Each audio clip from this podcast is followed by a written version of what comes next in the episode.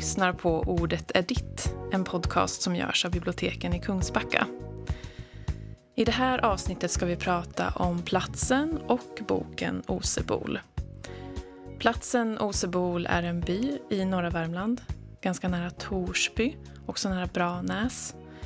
Vid Klarälvens strand och det är ungefär 40 personer som bor i Osebol. Och boken Osebol fick Augustpriset för bästa skönlitterära bok 2019.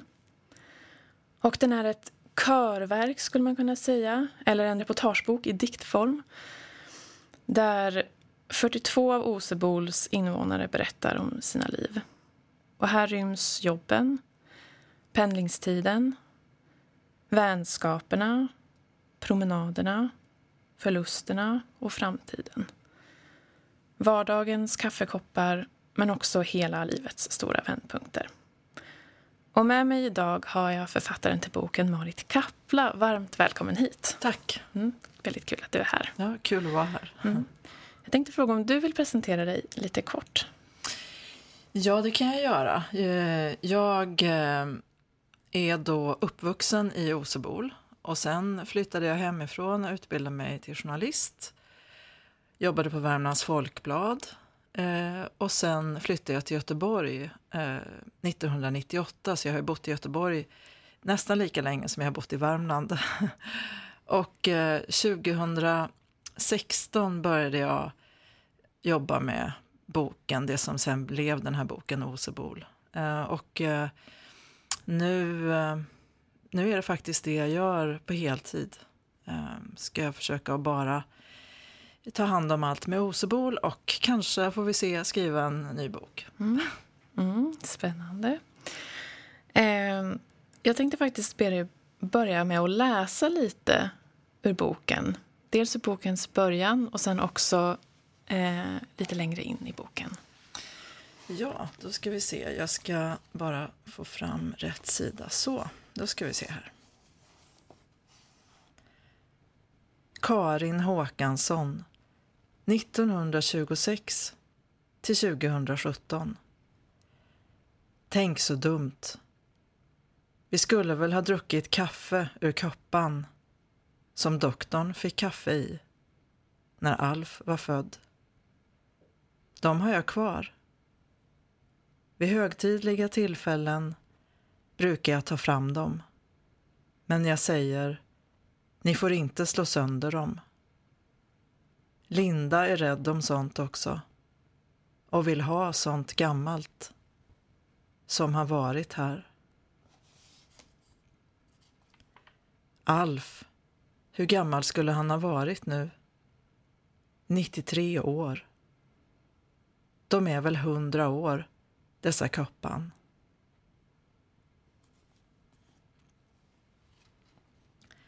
Istvan Fåt, född 1943.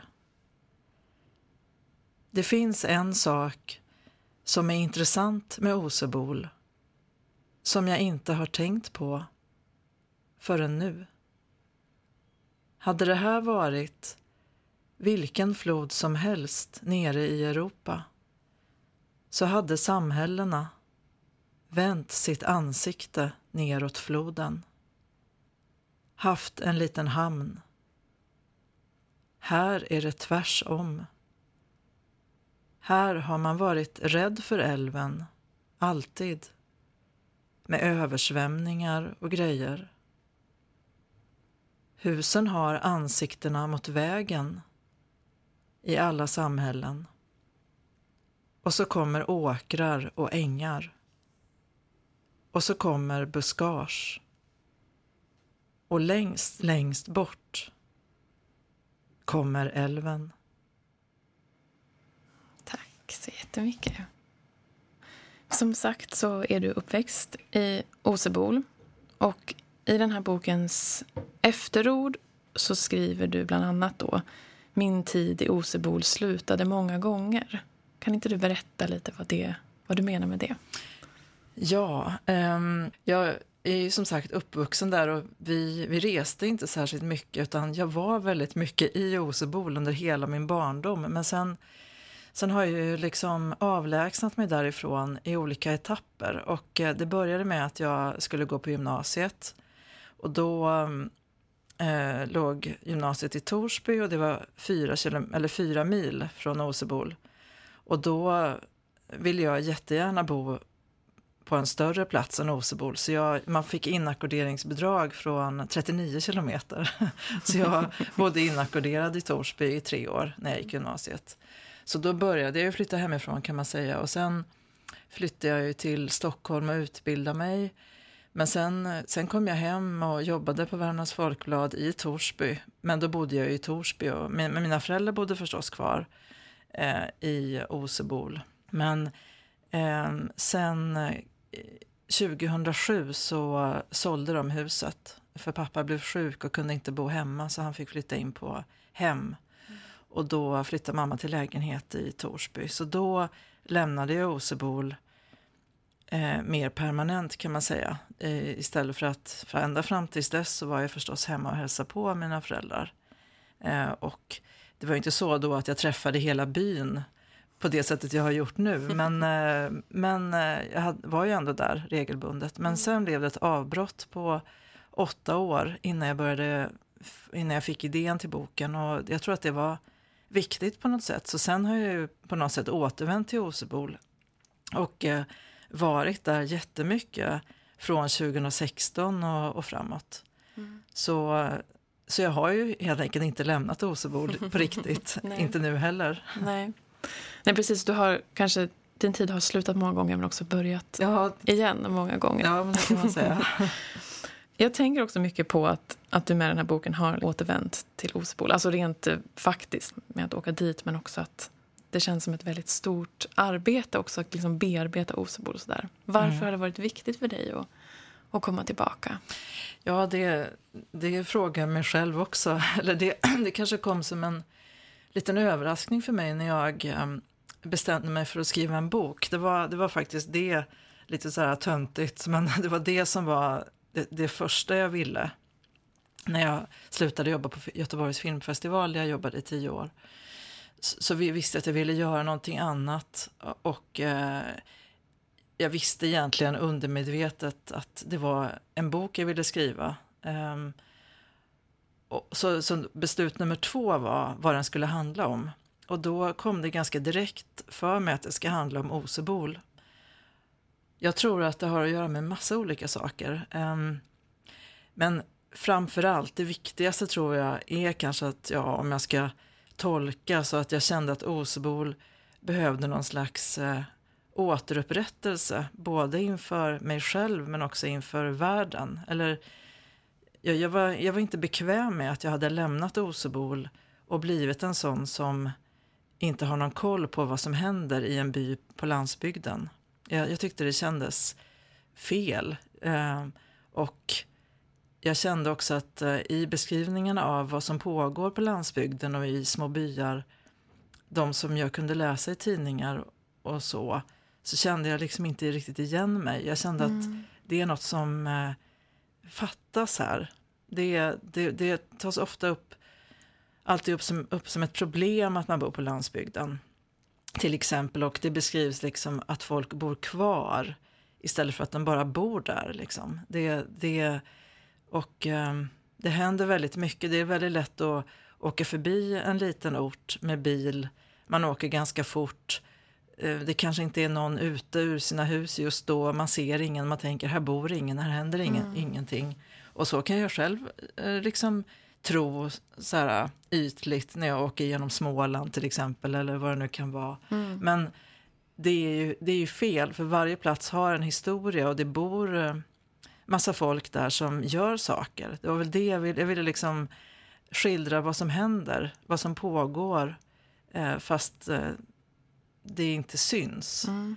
Och eh, komma på insidan på något sätt. Och det var då jag också i den här processen kom fram till att boken skulle till exempel inte vara någon slags eh, version av min egen dagbok från uppväxten i Osebol utan det skulle vara Osebol här och nu och de bästa på att berätta om det är ju de som bor där nu. Mm. Så det var då jag kom på att det skulle vara en intervjubok. Mm. Ja, för du som författare är ju inte med någonting alls. Jag tänker att dina frågor finns till exempel inte med.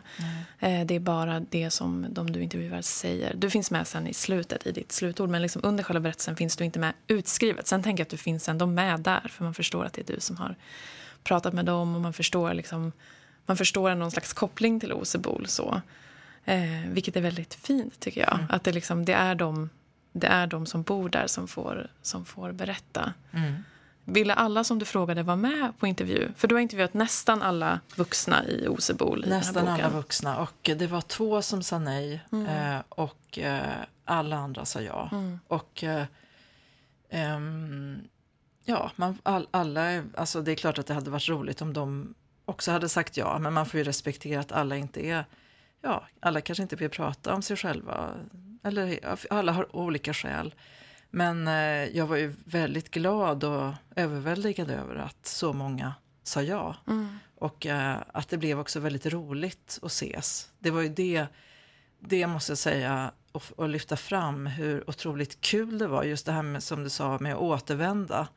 Det kom lite som en överraskning för mig. För att det, det, kan, det som jag sa förut, det kanske antyder någon slags plikt. Liksom, att jag tycker att det var min plikt att eh, sätta fokus på Osebol. Men jag, har, jag hade aldrig kunnat göra det här om inte det fanns personliga och kanske egoistiska drivkrafter. Till exempel så var det säkert eh, viktigt för mig, rent så om jag ska vara amatörpsykolog, liksom, att komma tillbaka till platsen man växte upp och när man är i en viss ålder, som jag var, jag var 45 när jag började göra boken. Mm. Det känns liksom så här mitt i livet, det känns mm. så lite klassiskt men också Sen var det väldigt kul att träffa folk igen. Det, det kändes som, nästan som att eh, jag hade en hel släkt där på något sätt. Um, för man, man känner inte varann jätteväl kanske i, i en by. Man växer upp, man ser ju varann i olika sammanhang. Man ser varann, alltså man syns ju ganska väl på landsbygden när man, mm. man går ut på sin gård, man tar bilen, man möter varann i bilen. Um, hejar, man ses på affären och går man i skolan så ses man ju där och där lär man ju känna varandra rätt väl. Mm. De som man går i skolan samtidigt med. Men, men samtidigt så har man kanske ingen nära kontakt men man vet ändå vilka de andra är och det var otroligt kul att komma tillbaks och mm. uh, höra, höra dialekten igen också var för mig fantastiskt. Ja.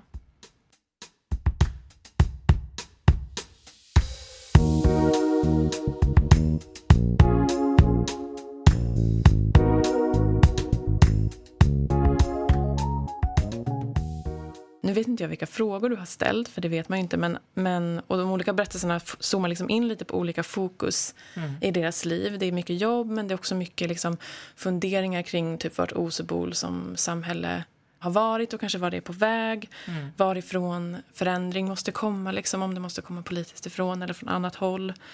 Men också mycket så här, kanske personer man förlorat, flykt, vad som hände då. Att det är liksom verkligen så ett spann av typ ett helt liv. Mm. Och det är så spännande tycker jag att ge det utrymmet att berätta om sitt liv. Mm. Eh, så jag, jag vill liksom fundera på hur det var för dig när du liksom kom hem till dem och, fråga, och bad dem att kanske berätta om sitt liv. Eller mm. hur, hur var den situationen? Jo, men det, det var, det var väldigt eh, vad ska man säga, konkret. Så här. Det var ju också som... Det var ju, den situationen var ju kul. Alltså jag kom hem till dem och vi hade, oftast hade vi då inte setts på länge. Eller så var vi nya för varandra. De, de, kan ha flyttat dit efter att jag flyttade hemifrån eller till och med efter att vår familj lämnade Osebol. Men då blev, var vi ändå som någon slags grannar, så det var ju... Det, ja, men, eh, ja, men man hälsade och så hade de ju, ja, ska jag säga, 100 procent av fallen gjort kaffe. Mm. och så fanns det kaffebröd. Mm. Och så satt vi där i köket och jag frågade om jag fick spela in. Och det gick, gick ju alltid bra, för det är ju också en säkerhet för den som pratar, att det, allting blir riktigt.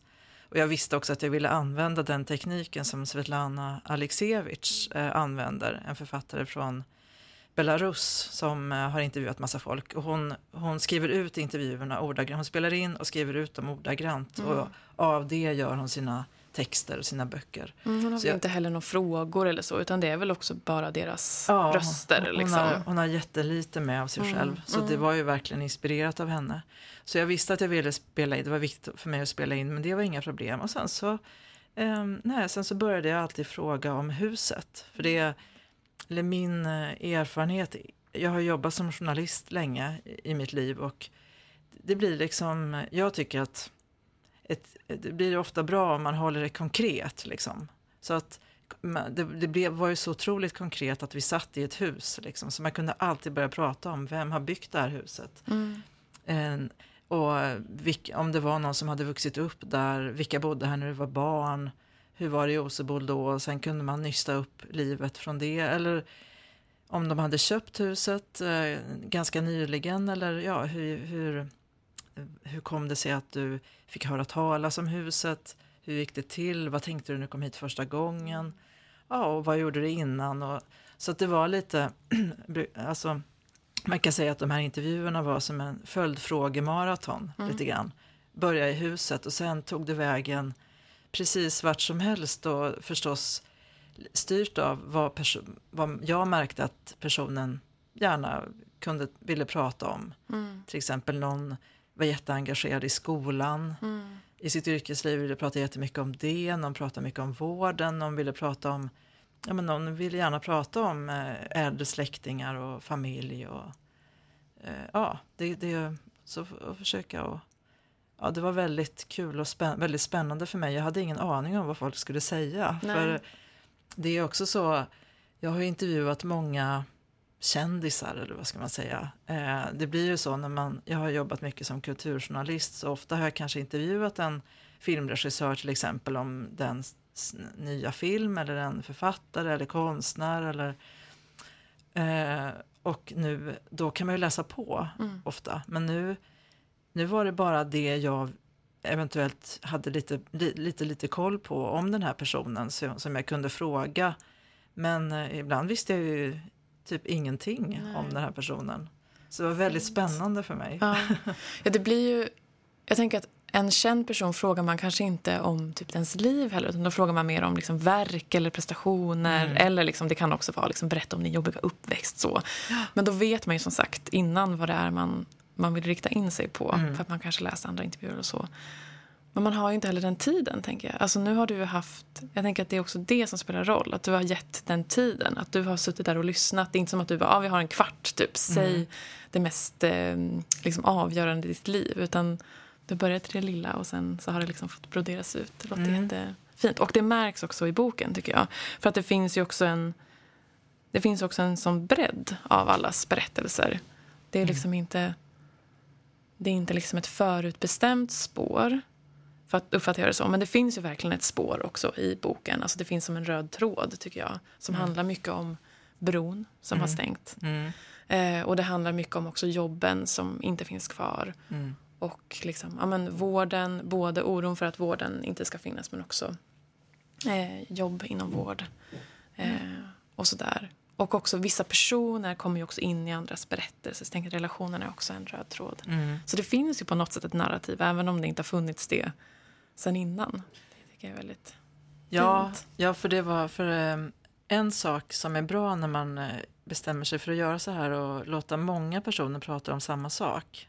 Eller de pratar egentligen inte om samma sak, men det är att eh, varje röst blir viktig. Eh, alla måste inte ha liksom en, en, en berättelse som är sådär dramaturgisk. Först en början, en mitt och ett slut. Alltså alla måste inte ha, utan alla har alla alla kommer med sin del på något sätt. Eh, jag tycker att och man, man får prata om det man är, som ligger en närmast hjärtat och det man vill prata om och det man är bra, bra på att prata om.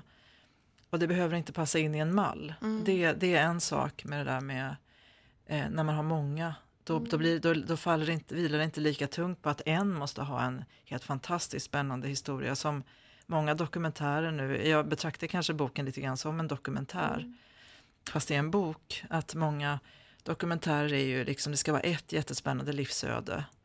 Eh, eller någon period i någon, någon eh, bemärkt persons liv där det händer mycket. Mm. Men eh, här när man sätter samman bitarna så får man en bild av, och det överraskade mig lite grann på slutet, man får en bild av inte bara Osebol utan av tiden vi lever i på något sätt. Mm. Och egentligen hela Europas eh, samtidshistoria, mm. det som har hänt i, som ryms i den livstid som vi som lever nu tillsammans har. Liksom. Och, men, men det här med narrativ tänkte jag också jag skulle berätta.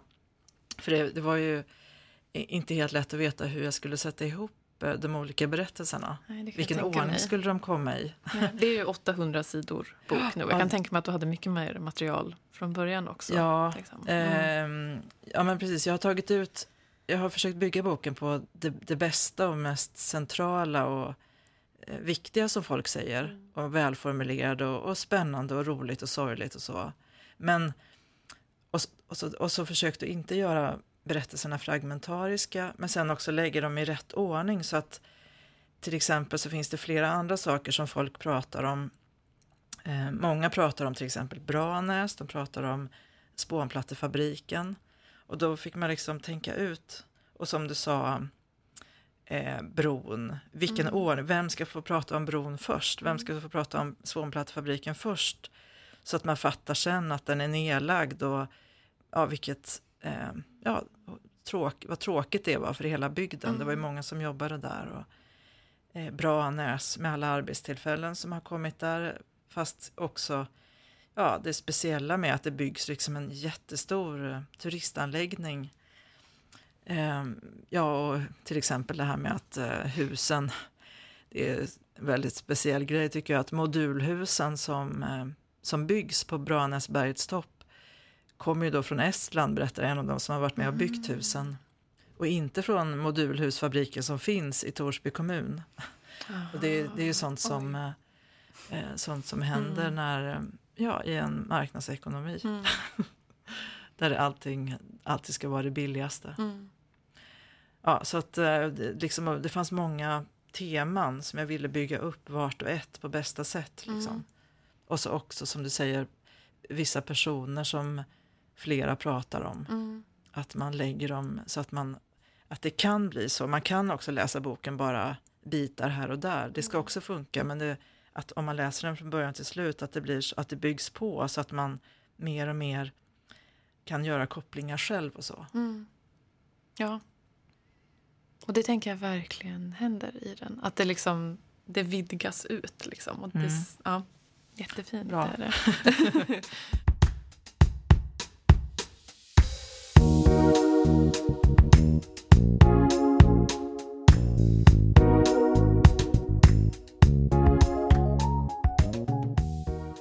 fråga om det här med att det är i diktform. Mm. Eh, för det är ju liksom korta, korta brutna rader, luftig text som följer, liksom följer ett tal. Eh, det är ju alltid liksom i, i en liksom muntlig berättarform. Varför valde du den här? den här? För den skiljer sig ändå från... Alltså jag tänker att du nämnde Svetlana Aleksejevitj.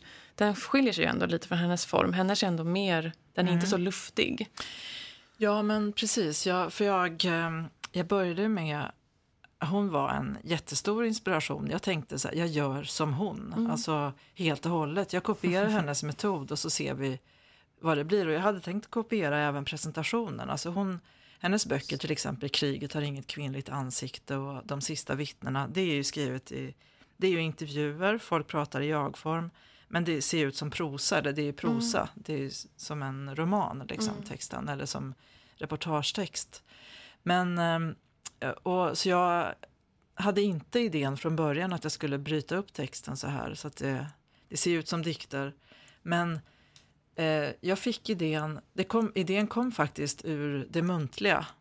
För att eh, jag publicerade intervjuer med tre av personerna i eh, tidskriften Ord och bild i eh, nu ska vi se här, det var sommaren eh, 2017 när jag hade hållit på med intervjuerna i ett och ett halvt år. Och då var jag en av två redaktörer för Ord och bild och min kollega Ann Ige, hon tyckte att jag skulle, hon frågade om inte jag ville prova att publicera några av intervjuerna i ett nummer vi gjorde om platsens betydelse för människan, så det låg ju nära till hands. Och då gjorde jag det och då publicerade bland annat eh, inte, intervjun, eller intervjun med Karin Håkansson som jag läste här nu tidigare. Mm. Och eh, på releasen så tyckte Ann att jag skulle läsa högt ur den. Hon, hon blev väldigt förtjust i intervjun med Karin. Mm. Vi tyckte båda att det blev jättebra. Då tryckte vi, jag tryckte helt enkelt intervjuerna som Alexievich, alltså som, som prosa och några av mina frågor var fortfarande kvar också. Och så, så då läste jag eh, ur intervjun med Karin, men då, jag, kanske var det också situationen, för det var, det var en bar i Göteborg och det var ganska trångt och folk eh, drack lite vin och ville gärna prata med varann. Så jag kände att nu måste jag prata högt och väldigt långsamt och eh, med många tystnader så att folk får tid att tänka på vad det är hon säger. För jag tyckte, jag gjorde flera intervjuer med Karin som blev den här texten som är i boken och eh, jag tyckte hon sa väldigt intressanta saker och hon är väldigt slagkraftig och liksom ro, ofta rolig och hon, ja, men hon har väldigt mycket att berätta. Eh, så därför så läste jag så där långsamt som jag läser nu. Mm. Lite som man läser poesi kanske. Eller po poeter läser också väldigt olika. Men, ehm, och efter den, eh, då var det så att en författare som heter Erik Andersson var på den här eh, uppläsningen. Han är från Allingsås ehm, eller bor i närheten av Allingsås och eh, har skrivit mycket om Västra Götaland. Och han, han sitter i Ord och Bilds redaktionskommitté och han har intresserat sig mycket för de här intervjuerna som jag höll på med. Och eh, en vecka efter att, ungefär efter den här uppläsningen, så kom jag hem. Då hade han skrivit, då låg det ett brev på hallmattan som jag öppnade. Då var det från Erik, ett stort brunt kuvert.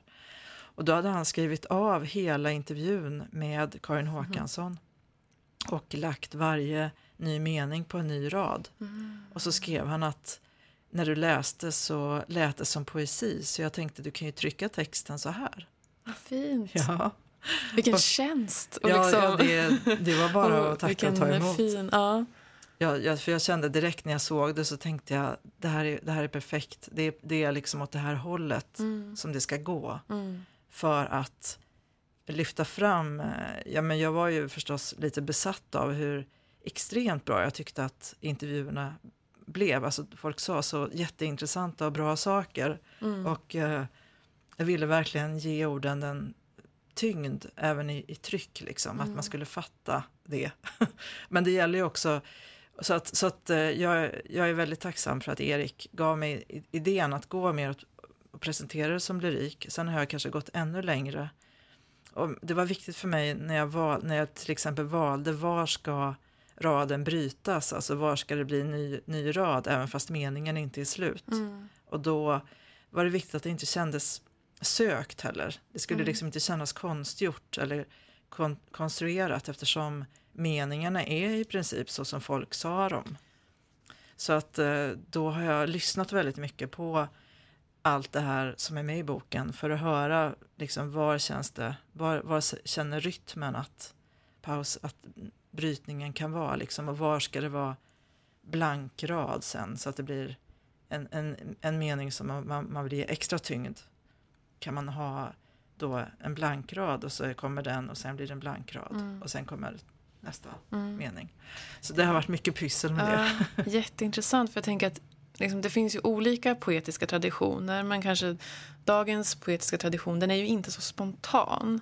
Alltså, tänk, och det muntliga tänker jag är spontant på ett mm. annat sätt. Men sen finns ju den muntliga traditionen som också har som är liksom grunden till lyrik. Och den är kanske inte heller, den går på vers och den rimmar för att man ska komma ihåg. Så att, mm. det, liksom, eh, att det kommer från två olika håll. Och det här är ju också att göra det muntliga till text. Så man måste behålla det här spontana.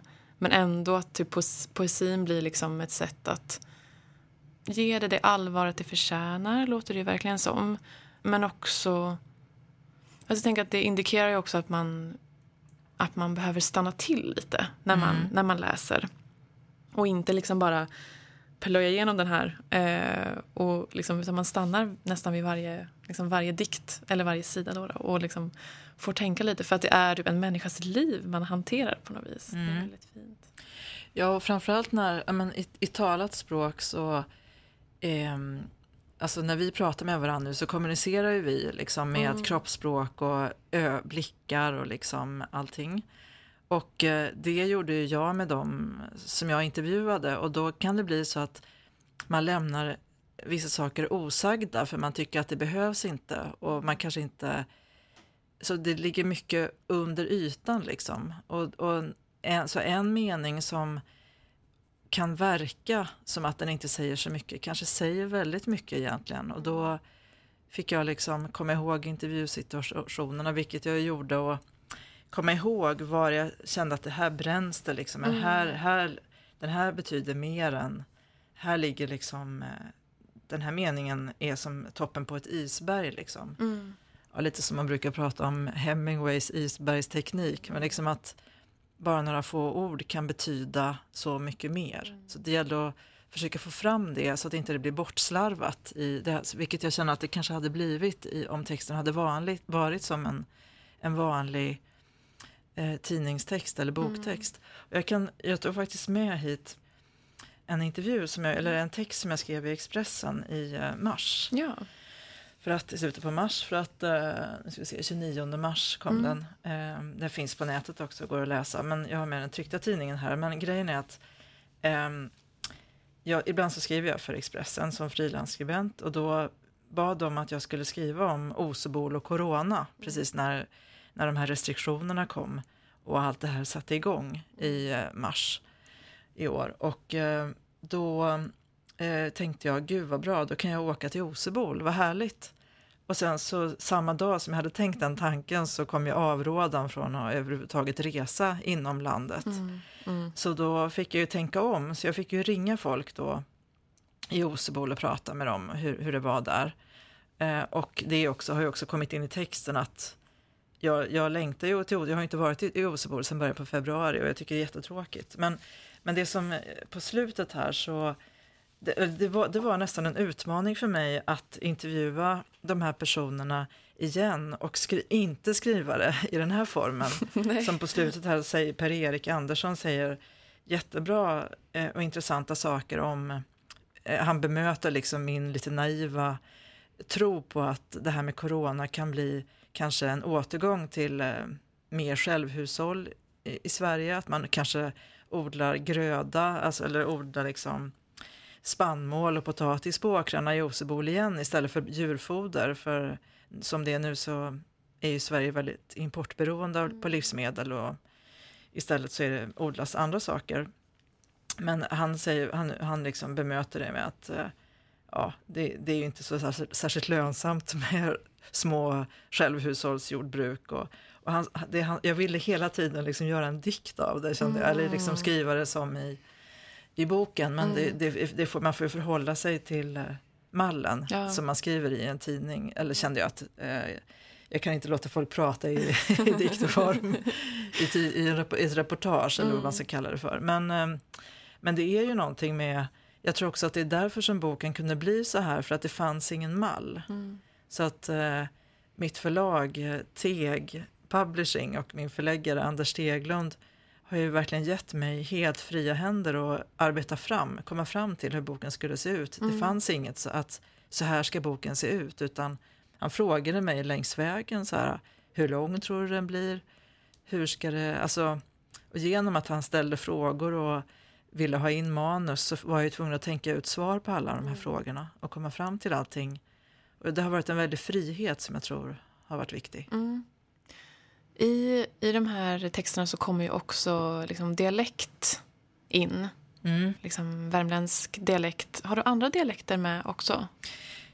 Nej, eh, men eh, alla pratar ju inte eh, värmländska. Eh, en del pratar liksom lite mer som jag, alltså en, någon slags eh, ja, rikssvenska. Mm. Eh, mina föräldrar kommer inte ifrån Värmland, därför blev det ingen värmländska för mig. Mm. Men eh, eh, en del intervjuer är gjorda på, ja, men någon kanske pratar norska eller danska. Och, och sen har jag gjort några intervjuer på engelska också som jag har fått översätta. Okej. Mm. Och jag, jag kan ju säga att jag hade kanske tänkt att behålla några danska och norska ord. Men, men jag fick ju på något sätt ge allting en svensk språkdräkt. Mm. Liksom. Och eh, Så att, eh, och det har jag också skrivit på slutet att några är översatta. Men, men det finns väl inte, det är svårt att säga vad som är dialekt och inte, men, eh, men det är ju värmländskan som syns mest. Mm. Och där, där har jag jobbat jättemycket med hur mycket dialekt som skulle vara kvar i, i skrift och hur det skulle se ut. För att eh, först tänkte jag återigen med Alexievich som exempel, Mm. så, eller förebild. Så, så i hennes böcker i svensk översättning så finns det inget spår av dialekter. Och jag kan inte ryska så jag vet inte hur det ser ut i de ryska originalen.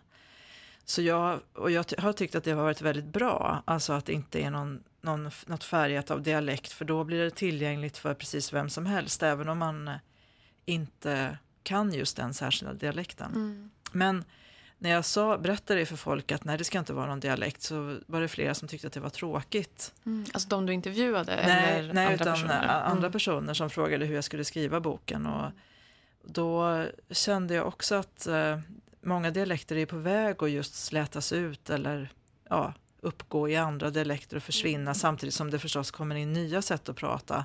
Språket är ju i förvandling men det Mm. det är tråkigt när de här lokala dialekterna som är väldigt knutna till en bygd där man, man kan ju höra skillnad på jag kan höra om någon är från eh, Osebols, eller trakten runt Osebol eller no, om man är från Bra, trakten runt Branäs, tre mil norrut. Det hörs ju en skillnad eh, på dialekterna, eh, även fast det är så där nära. Mm. Och, ehm, så då tänkte jag, nej men det ska vara med lite dialekt, men hur mycket kan det vara?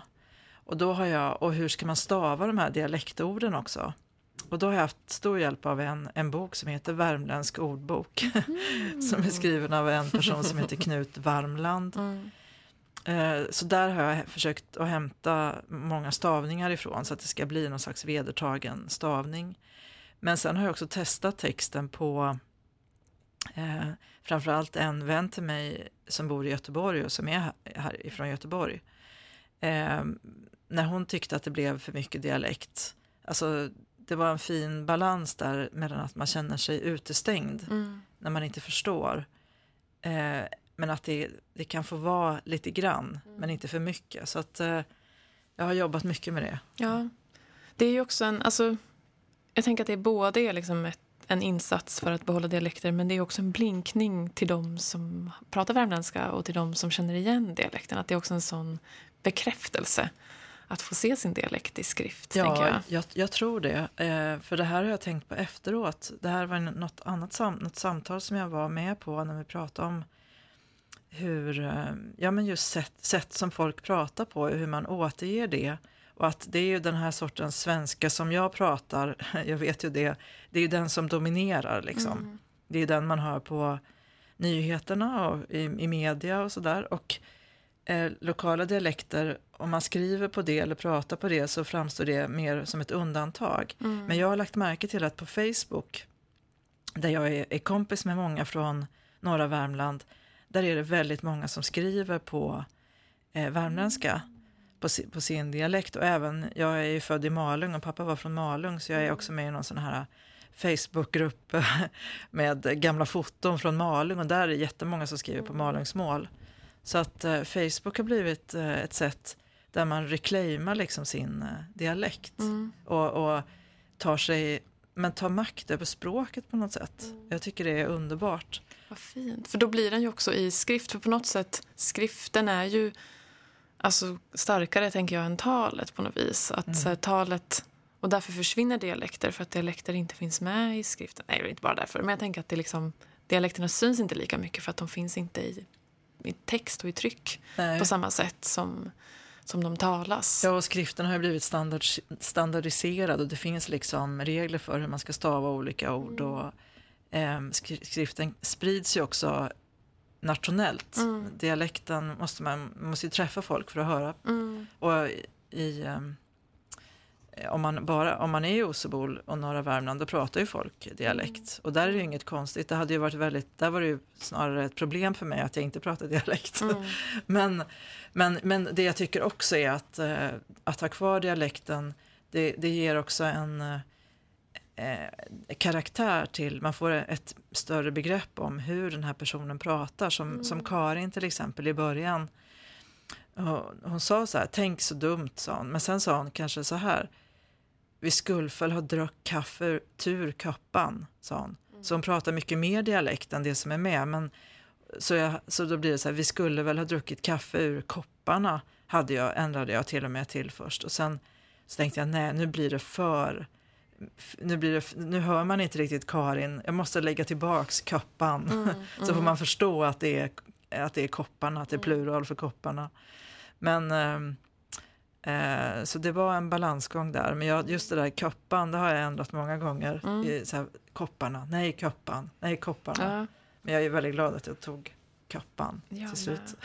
Jag har liksom, min farmor är från, eller var från Värmland, men hon pratade aldrig så mycket dialekt eller jag har liksom aldrig tänkt att hon pratar dialekt. Hon har bott i Uppsala hela mitt liv. Mm. Men kom, det var som att jag kom ihåg hennes dialekt mm. när jag läste det här. För att det också är lite dialekt. Mm. Det var väldigt, för att hon hade vissa ord som fortfarande var... Jag kan mm. liksom inte komma ihåg exakt vilka ord. Men, men det var som att det också så här, det återuppväckte typ en dialekt också. Ja. Det var fint tyckte jag. Ja, det, jag tror att många... Alltså, de här dialektorden är också ganska lika i stora delar av Sverige. Eh, och eh, det är inte bara heller orden, det är också ordföljden. Och, och så att som jag, har, jag har verkligen lyssnat och försökt behålla ordföljden så som folk säger det, även om det är, man skulle ha rättat det om det var ett svenska prov. Mm, liksom, mm. så tycker jag att det har gett så otroligt mycket att hålla sig så nära det talade språket som mm. möjligt. Eh, jag, jag, det har varit liksom en stor del av hela grejen på något sätt med, för, för mig att eh, men det, det, finns ett liv. Nu, nu håller jag på och läser, jag är ju ingen liksom, teoretiker eller akademiker på det sättet att jag har läst jättemycket litteraturteori. Men, men nu håller jag på att läsa en bok om just dokumentärt, det dokumentära och litteraturen som mm. en, en person som heter Anna Ljungstrand har skrivit. Och där, hon skriver mycket om just den här skillnaden Eh, det finns en, en, filosof som heter Levinas, tror jag, som har, han gör skillnad mellan sägandet och det sagda. Det sagda är liksom, det är klart, det är liksom, det är färdigt, det vet vi hur det blev, men i sägandet så finns det hela tiden liv liksom. Det är, eh, man, det, där är det oförutsägbara och det som eh, rör på sig liksom. Det finns en rörelse och det, jag tror att det är det som jag har försökt komma så nära som möjligt genom att när, ligga så, så, så nära som det bara går, just så som orden föll ur munnen på mm. något sätt. Mm. Ja, och då tänker jag att det också hör ihop med formen på något vis. För mm. att det blir också... Det poetiska gör att det inte heller typ, det avkräver inte ett slut på samma sätt. Eller det, är liksom inte, det rör sig mer fritt, typ, tänker jag, än om mm. det skulle vara i prosa, liksom, prosatext. Ja, sen är det klart att jag har ordnat. Jag har ju själv, liksom, om man återgår till att prata om berättande, så har mm. jag förstås sorterat. Alltså, inom varje, om man säger, man kan se det som att det är 42 minipersonporträtt. Så om man till exempel tar Karins stycke här då, så, som dessutom bygger på att jag träffade henne och intervjuade henne tre gånger. Mm. Men, men det, finns, det, har, finns det, kan man inte utläsa direkt här, utan eh, allting är, hon är den enda i och för sig som kommer två gånger i boken, men det är som att det är, berättelsen bara fortsätter på slutet. Hon är först och sist. Mm. Och eh, då eh, har jag ju inom intervjun kanske sorterat så att för att få en bra uppbyggnad, liksom, eh, för att det skulle, den här första stycket skulle sluta på ett bra sätt. Mm. Och så har jag låtit till exempel alltihop sluta med när hon berättar om när hon ramlade utanför huset och eh, när hon skulle plocka vitsippor. Det, det kändes som en, en väldigt bra sak att sluta med. Och det vet jag inte om hon sa i början eller slutet av någon. Alltså jag, har ju, jag har ju sorterat på det sättet men försökt att ha så mycket sammanhängande tal som möjligt och så kanske bara blandat om det, sorterat det som kort. Liksom. Jag, faktiskt, jag skrev ut sidorna och, och la dem i la ut dem på golvet och la dem i det som kändes som den rätta ordningen. Mm. Mm. Men, eh, men ändå så... Stort golv? Nej, det kanske var bara Karins ja, ja, man fick ta dem en och en. Ja, mm. ja. Ja, alltså jag tänker också det här att liksom göra intervjuer och att verkligen hålla sig nära deras tal är ju också ett sätt att berätta inifrån. Liksom, eftersom det handlar om en by och det handlar om glesbygd. Här är också staden, alltså Göteborg, Stockholm och Malmö nämns alla lite då och då men de är alltid liksom i periferin. Mm. Eh, och du har, jag upplever som att du verkligen jobbat med att berätta liksom, inifrån. Mm.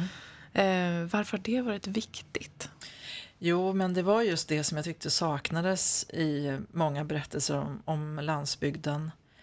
Just precis det där med att åka, åka förbi en liten by med bilen. Det tar bara inte ens en minut så har man åkt förbi. Men vad pågår på insidan, Mm. inne i husen?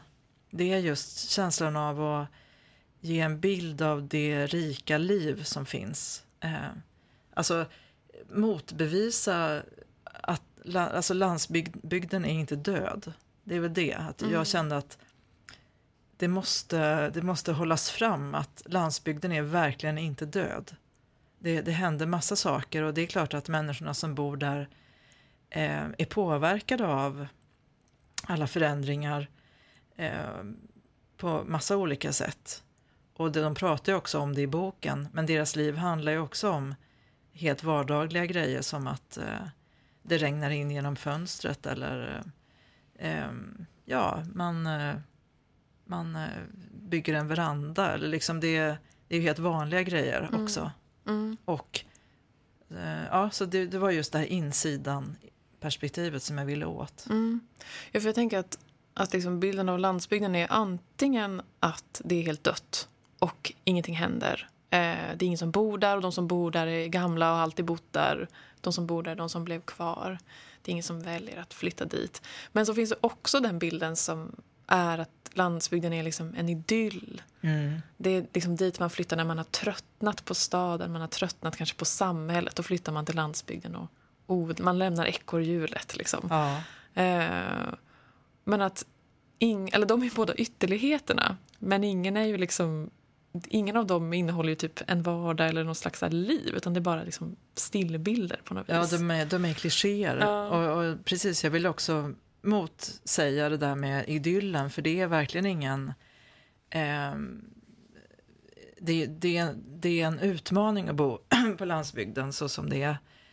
Man måste planera sitt liv på ett annat sätt. Mm. Man, måste, man måste ha grundläggande kunskaper i hur, hur fungerar uppvärmningen av mitt hus till exempel. Mm. För där i Osebo blir det ofta 20-30 minus på vintern.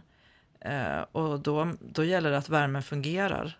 jag, kommer, ja, men, ja, men jag kommer ihåg själv när vi fick eh, stuv, vi hade, värmde upp vårt hus med olja när jag var barn och när oljan tog slut, det var ju, då var det ju bråttom att, Mm. att de kom dit och fyllde på. Mm. Och man måste veta, gärna veta lite grundläggande saker om bilen, man måste ordna så att det, det plogas, Mm. eh, man måste planera sina matinköp.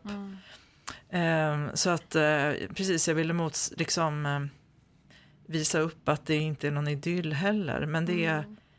och, och det det, det, det är massa olika saker samtidigt. Och just det där som du sa med vilka som bor på landsbygden också. Mm. Det, det visade sig ju kanske ännu mer än, än vad jag hade tänkt när jag började med boken. Att väldigt många som bor där kommer ju från andra platser, inte minst från andra länder. Nu kanske Osebo är lite speciellt, men det det är ändå rätt så vanligt numera att det bor till exempel tyska och holländska eh, personer eller personer som kommer därifrån men kanske har valt att flytta till sitt semesterhus i Sverige permanent. Det är rätt vanligt. Det finns tyskar och holländare i många byar i norra Värmland Mm. eh, och säkert i andra delar av Sverige också. Och eh, danskar och no- norrmän och Mm. men även folk från, ja men till exempel som i Osebo, Ungern, Polen. Ja, alla möjliga länder helt Mm. enkelt. Mm. Så landsbygden är väldigt eh, sammansatt. Mm.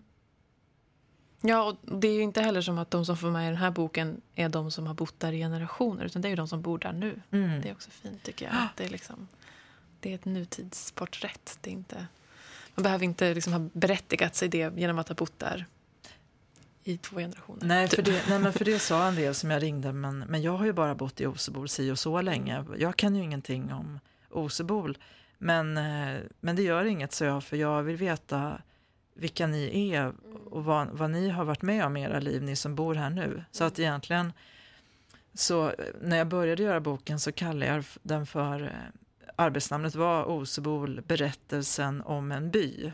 Eller en berättelse om en by. Men egentligen så, sen ändrade jag så att det blev berättelser från en by. För det, egentligen så är den sammanhållande faktorn är Osebol men det man får är en blick på världen från Osebol och med alla kopplingar utåt i världen.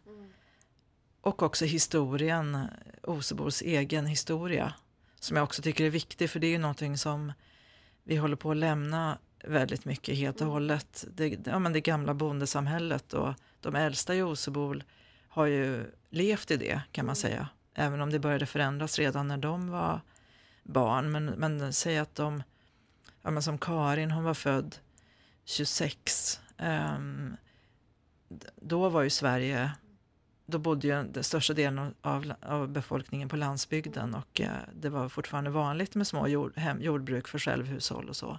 Mm. Det ser inte ut så överhuvudtaget idag. Nej. Nej, och man har också glömt bort sin relation till landsbygden. Mm. Alltså om man bor i stan. Det är väldigt få som bor i stan idag som inte har en koppling till landsbygden. Det finns ju nästan inte. Men det är som att den, den kopplingen är inte så stark, upplever jag det som i alla fall. Nej. Man har lite glömt det och dit ska man inte tillbaka typ. Ja. ja. Nej men precis och det, det, det, det blir ju så. Jag menar jag är ju en av alla de som har flyttat från Osebol. Mm. Eh, och eh, jag, jag ville ju verkligen bo i en stad och för att jag har varit ute efter, framförallt jag är ju väldigt intresserad av kultur. Och då har man teatrar och man har liksom ja, men ett litterärt sammanhang mm. och eh, konserter. Jag var ju, ja, när jag var yngre så var det framförallt att jag ville gå på konserter. Jag ville, ja. ja men jag ville ha gångavstånd till ett ställe där jag kunde gå på konsert och dricka öl. Typ. Mm. Det var liksom mina, mina krav då. Men nu idag eh, har jag ju kanske andra saker som är högst på priolistan och då mm. idag känns det ju mer attraktivt för mig att bo i Osebol igen men samtidigt så trivs jag oerhört bra i Göteborg så att, mm. Eh, och nu har jag bott där länge så att eh, det är svårt också att lämna en stad när, när man, det stadslivet, det är ju väldigt bekvämt. Jag behöver ju inte veta någonting om hur mitt hus värms upp till mm. exempel. Och, Nej. Eh, jag behöver inte själv ordna så att någon plogar gatan utanför, det är att ordna staden. Mm. Så att ehm, ja, det, det finns många, man blir väldigt bekväm av att bo i en stad, mm. lite stadskorrupt. Mm. Ja, absolut. Men det, det, finns ju verkligen fördelar med att bo i stad också, men det är just det där att det är de är så skilda från varandra. Liksom. Och när man bor i en stad är det också svårt att blicka ut från den staden ibland kan jag känna. Alltså för att media fokuserar väldigt mycket på storstäderna. Ja, men som du också sa innan, att det fanns ingen berättelse du kände igen dig i om Osebol eller om landsbygd. Liksom. Mm. Att det, ja, det är svårt att också typ titta ut från sin stadsbubbla ibland. Ja, det kände jag. Jag har bara bott i Stockholm i tre år när jag utbildade mig. Men då var jag bara 19 när jag flyttade dit direkt mm. efter gymnasiet. Och då kände jag hur jag blev eh, Stockholms korrumperad. Ja. Alltså den där, det som, eh, det kanske är lite därför jag har valt att bo i Göteborg och inte i Stockholm. För att eh, där, i Stockholm är det så otroligt lätt att glömma hela världen mm. utanför. Eller i alla fall hela Sverige. så att, eh, eh, och man upplever att det är helt vanligt, det, liksom, det blir normalt att man ser människor från regeringen, människor mm. från, från Svenska Akademin, människor från hovet, liksom alla de bor ju inom, inom ens egen, ett eget område. Mm. Man, man kan träffa på dem, kanske inte kungen på, på ICA, men, liksom, men det är ju varje gång jag är i Stockholm i innerstan och när jag ser en, en känd person från, från media, det är något helt normalt där. Mm. Och då blir det som att eh, ja, det, det blir, det, det, jag känner att det, det gjorde något med mig som jag inte tyckte om. Mm. Jag, jag, jag glömde själv bort Värmland mm. liksom, och tyckte, började tycka att det var helt normalt att se eh, ja, men, eh, typ, det var några, men en gång såg jag Mona Sahlin och eh, vilka det nu var, eh, Göran Persson, och, nej det var ju före Göran Perssons tid, men eh, Ingvar Carlsson, man tyckte det var helt normalt att de, mm. de går omkring på samma gata som man själv. Ja. Så man är så nära makten så man blir blind. Liksom. Ja, ja, men verkligen. Vad har hänt med Osebol sedan den här boken kom? Har det liksom... Har det hänt något särskilt? Eh, ja, men, ja, men det som har hänt är att eh, många har läst boken. Mm. Och eh, till exempel så har ju människor hört av sig till de som är med i boken som ja, men gamla bekanta som kanske inte har hörts av på länge Mm. har ju plötsligt tagit kontakt och sagt att de har läst boken. Det här är sånt som de i boken berättar för mig. Mm. Men det har också börjat kom, åka folk till Osebol innan då corona får man säga. Men eh, förra sommaren så eh, kom det ju mycket folk, eller det, det började komma folk till Osebol och Mm. märkte, man märkte de som bodde där och de folk gick ur och tog bilder, tog selfies på sig själva och vägskylten och så. Roligt. ja, det, och eh, i början av juni skulle det ha varit en kurs, en skrivarkurs på folkhögskolan i Stöllet som Mm. ligger bara några kilometer från Osebol. Som jag skulle ha eh, hållit i, där vi skulle ha eh, haft, gjort en Osebolsvandring bland annat.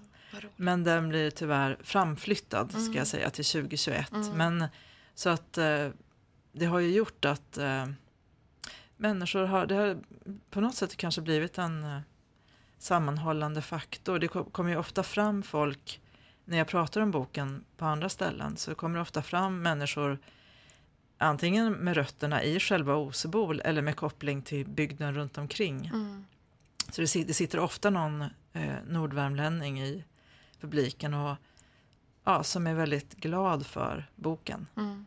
Men eh, ja, men ja, annars är det väl alltså livet går ju vidare och eh, som sagt, eh, ja men till exempel Branäs fick ju stänga lite tidigare på grund av corona. Mm.